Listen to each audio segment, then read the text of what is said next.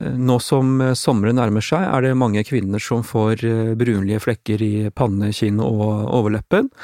Vi skal snakke om denne tilstanden som kalles for melasme, og hvordan dette kan behandles.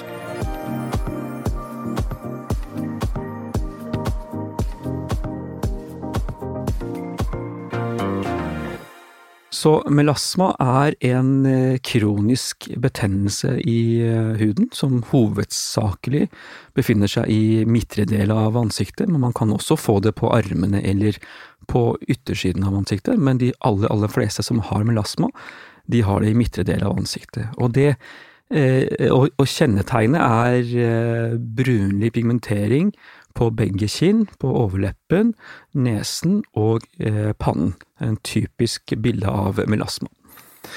Um, det kan ikke kureres, eh, i og med at det er en kronisk uh, hudlidelse, men den kan kontrolleres ved at man bruker uh, kremer som inneholder ingredienser mot pigmentering, eller som forebygger pigmentering. Behandlingen for eh, melasme er å få dette under kontroll, og eh, eh, gullstandard er ingrediensen hydrokinon, som er en av de sterkeste blekemidler som fins innenfor hudfaget, og gjerne i, eh, i kombinasjon med vitamin A-syre.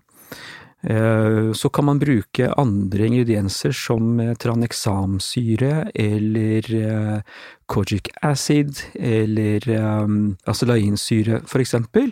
Og ikke minst, minst niacinamid.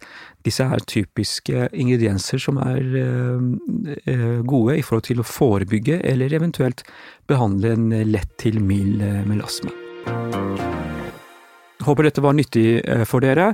Sjekk gjerne Instagram-siden min eh, at eh, dr. Sangani for mer informasjon om hud og hudbehandlinger.